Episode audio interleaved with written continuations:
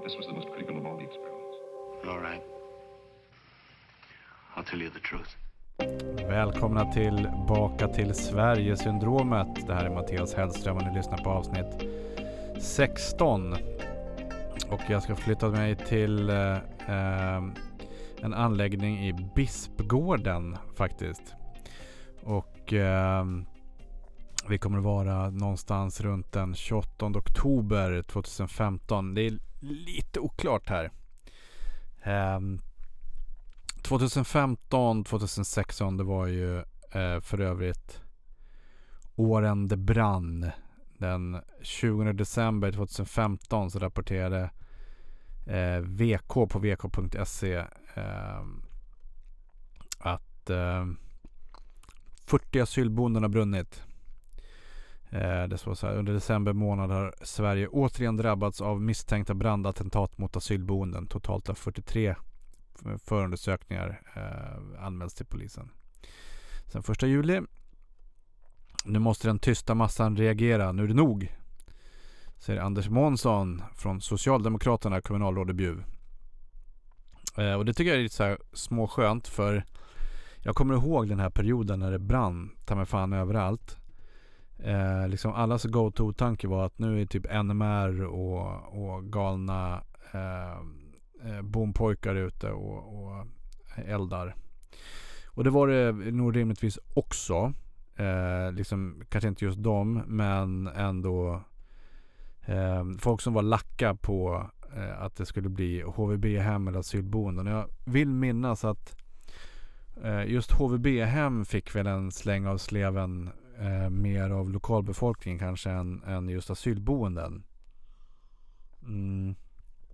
Vi eh, Dels etablerade vi ju jävligt snabbt eh, abt Med HVB-hemmen, där var ju en annan tid. Det skulle ju vara tillstånd och det var liksom en, en, eh, en del var kommunala, en del var privata och det var liksom etableringstiden var längre. Det fanns liksom mer tid att och, eh, försöka hitta tändstickorna och eh, liksom något att tända på. Um, och eh, liksom summeringen uh, tyckte jag var kul. Jag läste en artikel till på SVT som är publicerad 2017 08 2, 8 februari 2017. Som då noterar att förra året anlades 92 bränder på bodda eller tilltänkta flyktingboenden runt i landet. Tillåt mig, eh, tillåt mig att eh, korrigera till asylboenden eller HVB-hem. Det är inte flyktingboenden. Även fast man gärna vill säga det. Eh, fler än hälften av bränderna startade av okänd, okänd gärningsman enligt polisen och det tycker jag är eh, liksom intressant att man kastar sig på den rubriken. Därför att det som är intressant på riktigt det är liksom att av de här 92 så var 20 stycken visades vara olyckor eller vårdslöshet, vårdslöshet. 37 av bränderna tros vara anlagda av boenden själva. Alltså de boende på asylboendet eller HVB-hemmet. Eh, I, I två fall har bränderna konstaterats vara anlagda av personerna utifrån. Och sen så den större massan i den här burken då, 53 av 92 så har bränderna startats av okänd gärningsman. Um, och, och, det um, Alltså det har, det, det, det har brunnit mycket på asylboendena av, av liksom många skäl. Um, vi har nog, vi kan ha vid något enskilt tillfälle så har vi haft utomstående nere i södra Sverige men alla, alla situationer jag har varit i så har det liksom varit försummelse eller, eller liksom anlagd brand från insidan. Oftast eh, skulle jag vilja säga att det är kokplattor eller olja som har liksom hettat till och det börjar brinna. Eh, liksom olyckshändelse. Man har poppat popcorn i. Alltså det, vi hade en period där mikrovågsugnarna brann hela tiden. För att barnen petade in sockerbitar i dem och sen så stod de och tittade på dem. För eh, alla barn eh, under eh, 15 eh, kan stänga av en stund nu. Men det är, de gillade att titta på sockerbiten när den började brinna i mikron för den brann liksom en ganska så blå låga. Det tyckte de var skitkul. Det tillsammans med att slänga en vedträn i, i tvättmaskinerna och starta upp dem ute på landet. Det var så populärt. eller, eller shampoo. Det blir om ni inte har provat det någon gång så gör inte det. Men det blir sjukt mycket skum om man häller shampoo i tvättmaskiner. Vilket för att var ett problem ett tag när, innan vi hade lärt alla boende att man skulle använda tvättmedel och inte schampo i tvättmaskinerna. Eh, väldigt mycket skum. Det var som här foam party på 80-talet. Fast utan stroboskop och alkohol. I vilket fall. Eh, och sen så är det ju, det är många som är missnöjda och där, där ser vi att, att det har varit en del bränder. Man sätter eld på en soffa eller någon säng eller lite på byggnaden ute på eller sådär. Eh, för att man är missnöjd helt enkelt. Um, men bränderna var väldigt uppmärksammade i vilket fall under den här perioden. Um, sen så ska man också tänka på att många av de här bränderna är småbränder. Alltså det är människor från, alltså de asylsökande som kom från Afrika och Mellanöstern röker ju som borstbindare. Ehm, bara cigarettfimpar överallt. Bara drivor. Svallvågor med cigarettfimpar överallt. Och, och just så här papperskorsbränder eh, på grund av cigaretter är ju också väldigt, har också varit väldigt vanligt. Om man ska vara till PT.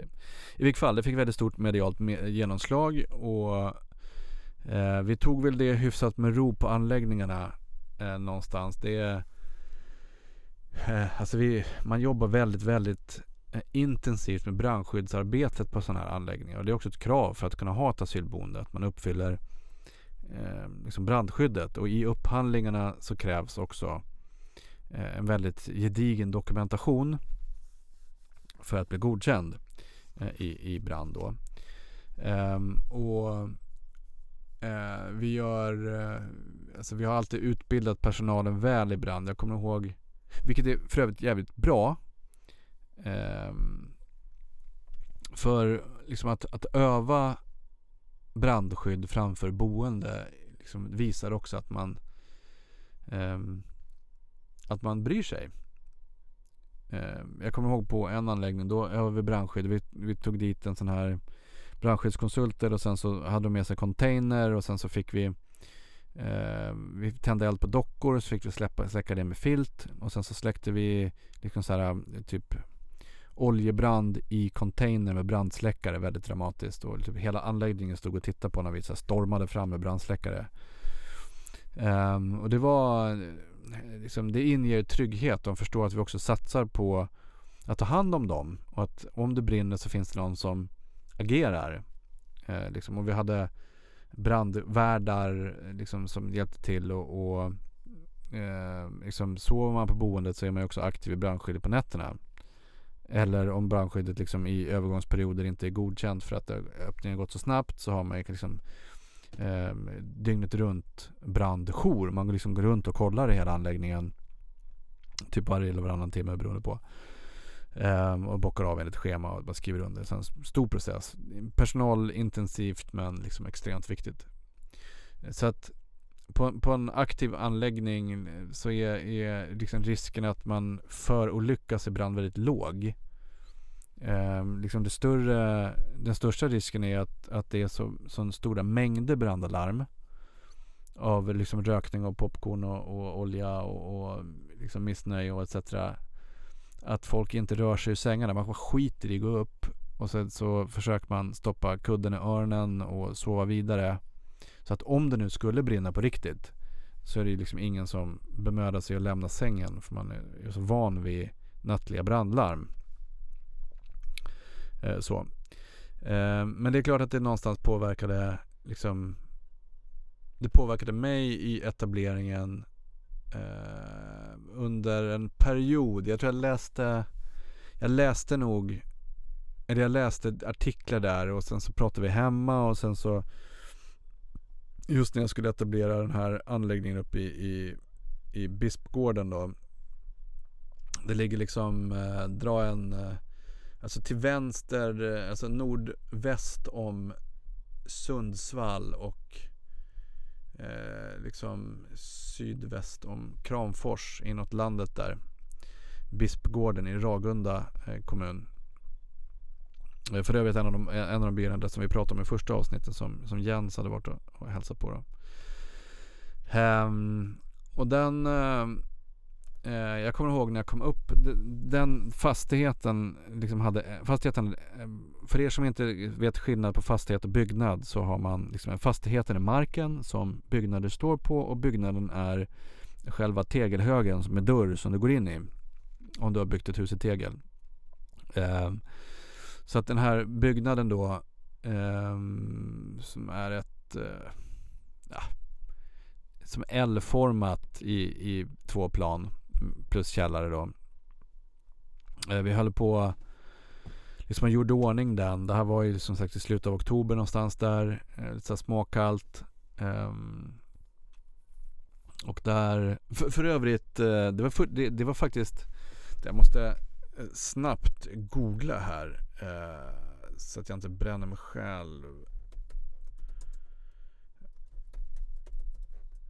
Uh, ska vi se här. Oj, nu var det fel. Uh, det här är så här livepodd. Asyl, asylboende. Um, ja men exakt. Det här är stort skönt. Uh, det var första gången jag träffade Runar Sörgård. Faktiskt. Det var uppe i Bispgården. Um, och bara för att jag inte ska eh, liksom. Jag är inte först med den informationen. Till och med i i DI, eller i Affärsvärlden så skrev man Eh, 2017 02 28 10 10 skrev man. Runar Sörgård och Bert Karlsson i bråk om flyktingpengar. Bla bla. Så att eh, det är inte jag som outar det utan det är allmänt känt att han var involverad i asylboende då. I vilket fall. Så det, det, var, det var kul. Vi, trevlig, jättesupertrevlig tyckte jag. Eh, kommer ihåg vi träffades en, på morgonen där utanför eh, Sundsvall och, och fikade lite grann innan vi skulle åka upp dit. Eh, det var Eh, Nej det var, han var trevlig tycker jag. Eh, så. Jag har inget ont att säga om honom. Även fast jag skulle kanske inte skjuta rådjur från fönstret. Möjligtvis om man tar bort, förra avsnittet pratade jag om den här respekt för eh, konsekvenser. Eh, nu har jag lite för hög respekt för konsekvenserna av att sticka ut eh, jaktgeväret genom fönstret och skjuta ett rådjur. Men eh, eh, kreativt Runar. Kreativt. Så i vilket fall, eh, den anläggningen då. Då eh, hade jag faktiskt med mig ett etableringskit som jag slängt ihop i ryggsäcken. Så att när jag på natten där medans städpersonalen höll på och gjorde ordning anläggningen för det skulle komma asylsökande typ dagen efter. Höll på att städa och fixa. Så tog jag ett, ett rum där med sex eh, sängar. Åtta till och med, ganska stort rum. Och så skulle jag sova själv på anläggningen. Då hade jag liksom med mig runt i den perioden en egen brandsläckare.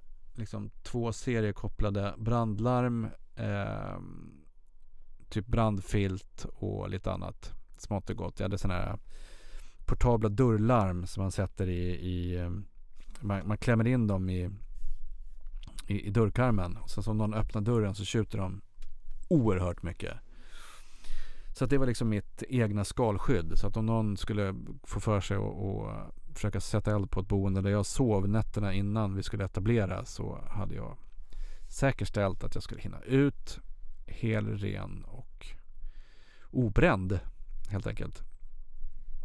Så det kommer jag ihåg när jag låg där uppe i, i Bispgården och, och eh, skulle lägga mig. Och så hade jag brandsläckaren stod bredvid sängen och, och någon så här fattig lampa och så försökte jag väl eh, kolla på någon tv-serie för att här, komma i form inför nästa dag.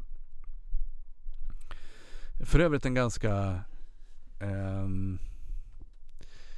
Nej men det var nog en ganska trevlig anläggning. Den låg lite så här racket till.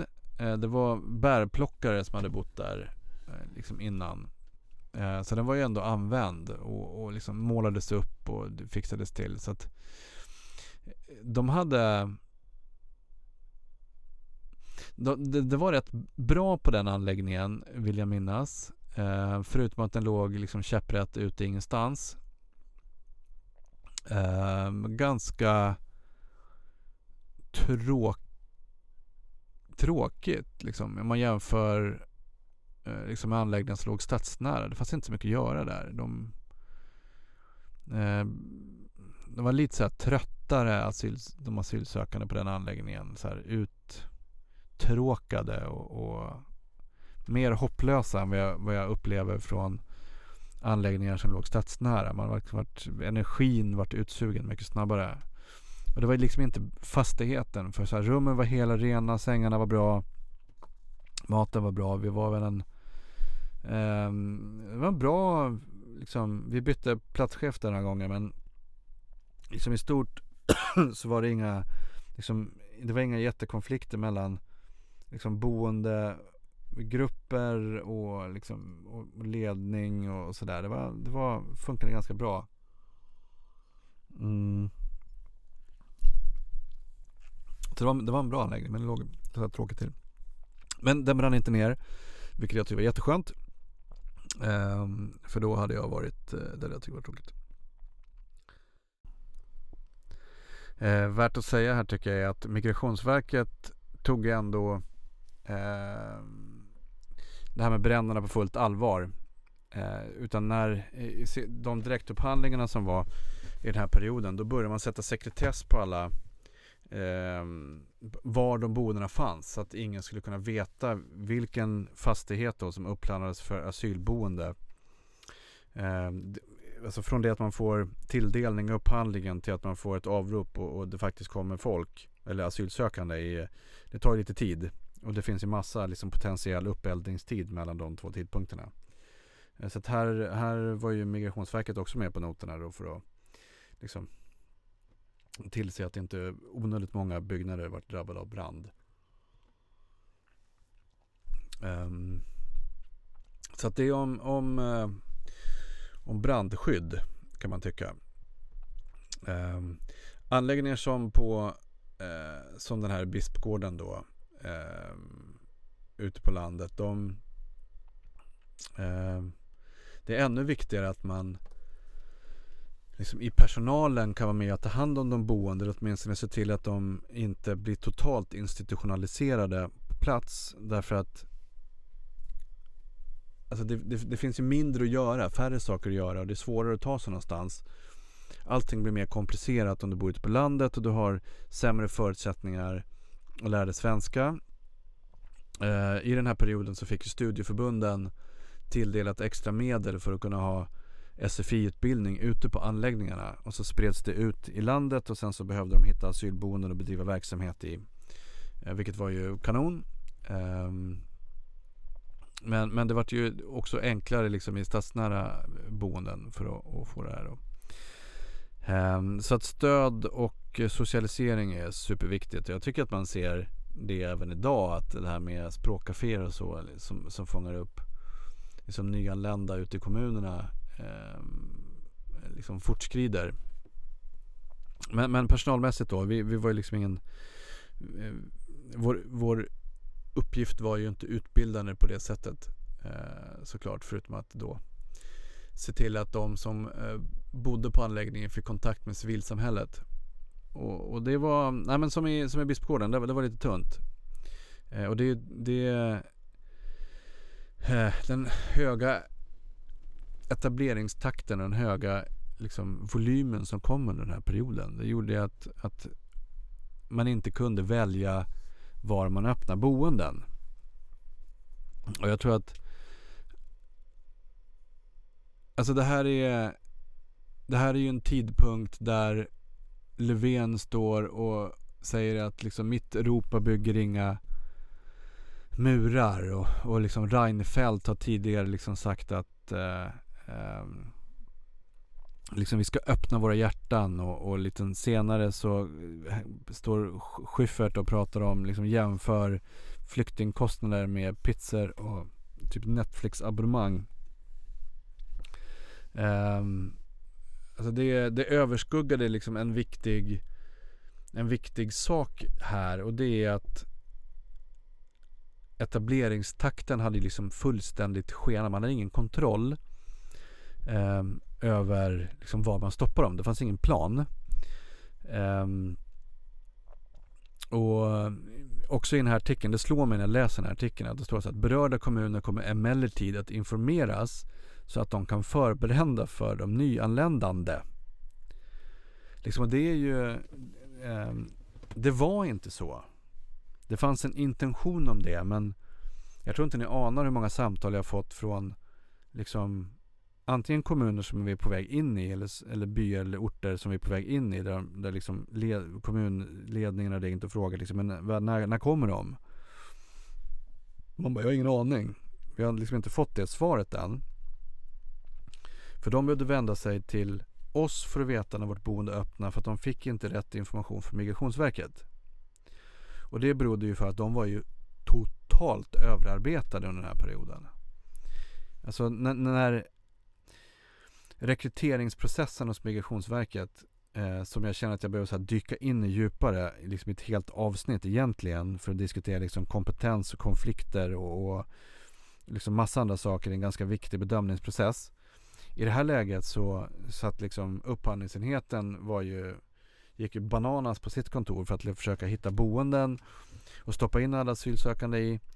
Eh, liksom på boendesidan hos oss var man liksom fullt inställd på att försöka hantera liksom brand och ventilationsfrågor så att man liksom skulle få en anledning att kunna jämka med Migrationsverket och så fort som möjligt få, få anläggningen som ett, ett ankomstboende för att sen liksom bli ett mer permanent eh, men tillfälligt asylboende, ett ABT. Eh, men hade, hade vi vid den här tidpunkten, eller egentligen ännu tidigare, alltså redan 2014 eller ännu tidigare vid ram 2 som, som liksom gick igång typ 2012-2013 dragit erfarenheter från liksom 80-talet så tror jag att vi hade kunnat valt ut på ett smartare sätt var man etablerade asylboenden och sätta det i kontrast till att okej okay, om det kommer in 9500 den här veckan och ett snitt asylboende liksom klämmer in 200 hur många alltså, fastigheter och byggnader måste vi få fram då för att liksom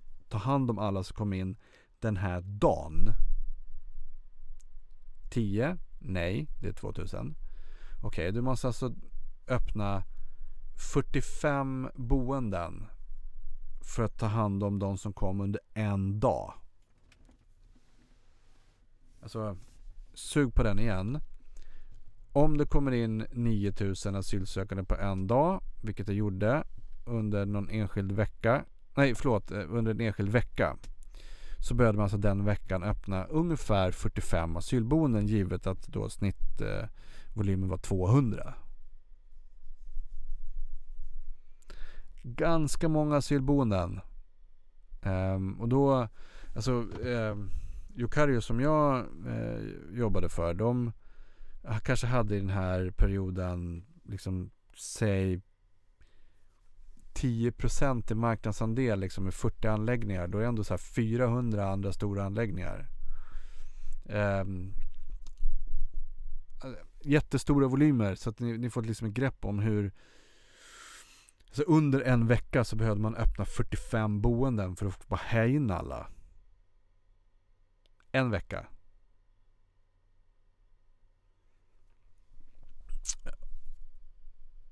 Hade man tänkt på det eller hade politikerna haft liksom någonstans tänkt att att, att, att människor som kommer in, liksom, det blir en konsekvens av att de skulle flyttas. Då kanske man redan här hade kunnat lagt om en politik på ett smart sätt. Liksom, och förutsett eh, liksom, de praktiska effekterna på boendefrågorna. Det gjorde man inte. Ehm, och det gjorde ju självklart att vi Eh, jag var tvungen att åka runt och, till andra ställen såklart. Jag kommer ihåg um, en annan anläggning. Vinden. Um, eh, Kronlunds kursgård utanför Umeå. Vinden det ligger också så här sjukt fint. Alltså jag, jag, jag, är ändå ganska glad för jag har, verkligen, jag har säkert kört 6000 mil om året. Um, men jag har åtminstone fått åka runt på väldigt vackra platser. Um, så hittar väldigt bra ute i landet numera. Men där kommer jag ihåg att, jag kommer inte prata om den etableringen för det är så här oväsentligt. Jag var inte ens där, jag var någon annanstans. Den, det skötte sig själv. Jätteduktig personal på plats som skötte det liksom redan från start. Men det har varit andra problem för alltså i den här perioden allt tog slut. Eh, för det fanns också så här material, materialkonsekvenser. Att vi behövde ha våningssängar. Så att Ehm, eh, alltså min boss Emil då, han satt ju på kontoret och du vet jagade det. Du vet så här, på speed dial var liksom ansvarig på Jysk. Eh, och bara okej, okay, vi måste ha vi måste ha 200 sängar dit typ på onsdag. Varav Jysk personal bara, ja men det är så måndag då. Du vet vi, vi har inga sängar för eh, Eh, det, det, det är slut i hela, hela Sverige. Så att eh, vi måste leta i Europa. Alltså det, Jysk hade bäst sängar. Så det var de man ville ha. Men, men de tog slut. Så att det var liksom, man fick så dammsuga så Europa på våningssängar. Och där var det också problem för det, liksom, alla sängar var tingade. Alltså jag undrar hur många våningssängar, alltså stål, metallvåningssängar som såldes under den här perioden. För vi hade jättesvårt att hitta dem bitvis. Vilket gjorde att vi liksom det sämsta, och vi skruvade ihop skiten själva också. Så du vet, skulle man öppna en anläggning så fick man ju ha med sig en skruvmejsel. Om inte personalen fick en tillräckligt snabb personal fick man sitta där och skruva sängar själv. Här på det. Um, och, och um, alltså det, vissa sängar var ju så kassa. Alltså um, de höll inte liksom för den här typen av drift. Så att Jysk var bäst. Och, men de tog slut. Och, och vinden då, där var problemet att Um, av någon anledning så skulle det kom bussar, de var så här felrotade. Så att någonstans uppe i vildmarken utanför Umeå så kom de på att vi har ingenstans att, att skicka de här asylsökande för det finns ingen anläggning som kan ta emot dem. Um, vilket slutade med att de fick sova i korridorerna hos oss. På en eller flera anläggningar, kommer jag inte ihåg. Eh, men då fick vi dammsuga liksom alla städer och alla Eh, alla så här, Jysk och typ Ikea och alla andra ställen som hade bäddmadrasser. Alltså den här vanliga tunna madrassen. För det var också slut. Så vi hade vi så minibussar som åkte runt mellan olika platser och bara lastade in madrasser för att kunna liksom få folk att sova på på kvällen. Um, så att allt tog slut. Um, så att det är liksom inte bara Det är inte bara vi på uh, liksom asylboendesidan som har gjort rätt bra med pengar, eller som har gjort bra med pengar, som, som omsatte pengar i den här perioden. Uh, förutom advokater eh, och, och, tolkar som jag pratade om tidigare. Liksom så att sängbranschen, alltså bara, de sålde hur mycket som helst, madrasser. Uh, kan tänka dig också att alla de här, alla anläggningar som slogs upp, de behövde också ha råvaror. Som måste köpas av liksom olika grossister, eh, lokalt eller nationellt. Så att det gick ju, vi hade ju liksom lastbilar med som åkte så här kors och tvärs i Sverige från grossisterna med, liksom med mat. För vi var ju tvungna att fylla liksom kylarna kanske två till tre gånger i veckan då för att liksom eh, för att kunna ge alla, alla boende mat. Så att det här var Alltså det var mycket omsättning i väldigt, i många branscher i den här perioden. Eh, faktiskt. Även fast sängarna tog slut där. Eh, och, och, och, nu var det inte så galet hela, hela resan här. Liksom, att, att vi behövde lägga folk i korridorerna. Liksom, så. Eh, men det var, det var perioder. Sen stängdes ju gränserna liksom på ett annat sätt. Man hade en annan diskussion. Man började prata om, om tältläger som någon, någon typ av avskräckande exempel. De, de kom ju aldrig i drift. Eh, ska, ska fördjupa oss i den perioden senare också. Men, um, det var massa, många saker som, som man inte tänker på eh, när man tänker på asylbranschen som påverkades eh, på olika sätt. Och här var vi i Västerbotten, vinden för övrigt. Jättefint där uppe. Um, jag gillade att köra där. Flera, alltså när jag varit uppe i Västerbotten och Norrbotten. Eh, Alltså massa. Jag, åkte, jag körde väldigt mycket bil på nätterna. Och så var det ju, eh, alltså det blir mörkt extra tidigt där på höst och vinter och vår.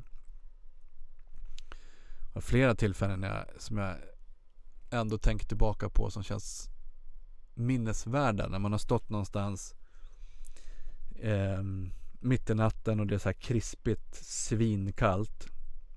Liksom klar himmel. Och sen så norrsken eller sådana här coola ljusfenomen om, om det är tillräckligt mycket iskristaller i luften och så kör man ute på de här vägarna i skogen och man kanske lite dalar och, och, eh, och sådär. Då, då, då kan du se, du ser så här ljuspelare från alla så lastbilar som gör omkring på nätterna. För kristallerna gör att, eller den här kristalliseringen i luften på något sätt gör att, att eh, frontlyktorna på bilen det bara skjuts rakt upp som en så här partylampa eh, på Ibiza. Ascoolt. Och så kör man kring. Eh, där. Och det är coolt. Det som är inte riktigt roligt det är att landa i snöröken bakom en sån här lastbil mitt ute i ingenstans där man inte kan köra om. Um, men då tror jag att man inte hade bråttom. Tycker jag. Uh, skulle nog kunna tro att älgarna hade varit ett... Nu sladdar jag iväg lite grann här men ni får höra det ändå. Um, jag hade nog trott att jag någon gång under de här åren skulle klippt en älg eller en ren. Men jag har faktiskt klarat mig Uh, några, jag kan nog säga att jag har varit väldigt nära ett par gånger. Um, men det har ändå gått bra. Eh, majestätiska djur, älgarna. Eller när man åker in i, i liksom så här renflockar i, på inlandet. Och helt plötsligt blir tvungna att stå still för att de står och gnuggar sig mot bilen och slickar salt från vägen. Eh, roliga, roliga minnen från allt åkande. Eh, där. Jag tycker jag är kul. Någonstans i den här perioden i oktober eh, så eh, startade vi faktiskt en, en anläggning också i, i Fårösund på Gotland. Som låg inom min eh, region. Um, gamla, ett gammalt, eh, gammal militärhamn i Fårösund. Det var ett vandrarhem som heter eh, Bunge vandrarhem. Ehm, och det som skiljer mig, alltså, eh, eh, jag, faktum är att jag var inte där. Eh, jag hade så mycket att göra i eh, uppe i Åsele som jag tror kommer bli nästa avsnitt. För det hände så mycket märkligheter där uppe. Ehm, att jag hann inte riktigt till, till Fårösund. Förutom, jag var där innan vi öppnade och efter vi öppnade. Men den, anläggningen den gick så bra. Eh, eller det var liksom så problemfritt. Så jag, var, jag behövde inte vara där. Och vidare. Kanske, ja men jag var kanske någon gång då. Eh, men, eh, men Fårösund var så enkelt. Gotland var så enkelt. Där var man välkommen på ett sätt som jag inte upplevde att man var i liksom övriga Sverige. Eh, det satt jag tänkte på för några dagar sedan när jag eller stod jag gick och tänkte. Jag vet och promenerade. Eh, och, och, även när Alltså det roliga var när vi stängde i Fårösund. Då ville man inte Alltså man ville från regionen så att inte ha det stängt. För man ville ha eh, de boende kvar av eh, liksom, säkert demografiska skäl. Liksom att det var viktigt att, att, att, ha, fylla på befolkningen på Gotland. Eh, det kanske är dialekten som gjorde att de också trivdes så bra där. För de var, vi hade så lite problem. De var nog kanske gladare på Gotland, tror jag. Nära till vatten och, och fint och, och sådär. Det är nog allt jag kommer säga om om Försund. Det var som sagt också i, i oktober där. Um, en spännande period. Jag skulle vilja säga tack till er som lyssnar. Um, och nu vet jag inte om ni lyssnar på ett avsnitt eller om ni har varit hela resan eller om ni sitter här och saknar Jens och Galaxia eller om ni tycker att liksom mitt malande om, om eller mitt dokumentära malande liksom är, är intressant. Men jag önskar verkligen eh, och vill uppmana er till att lämna feedback. Eh, återigen på Facebook-sidan eh, facebook.com Sverigesyndromet. Alltså våga skicka ett meddelande eller, ehm, och, eller säg någonting, vad som helst. För det är faktiskt så att jag får nästan ingen feedback alls. Det är ingen som säger att man lyssnar. Eh, nu har jag massa statistik som gör så jag ser hur många som lyssnar eh, och så.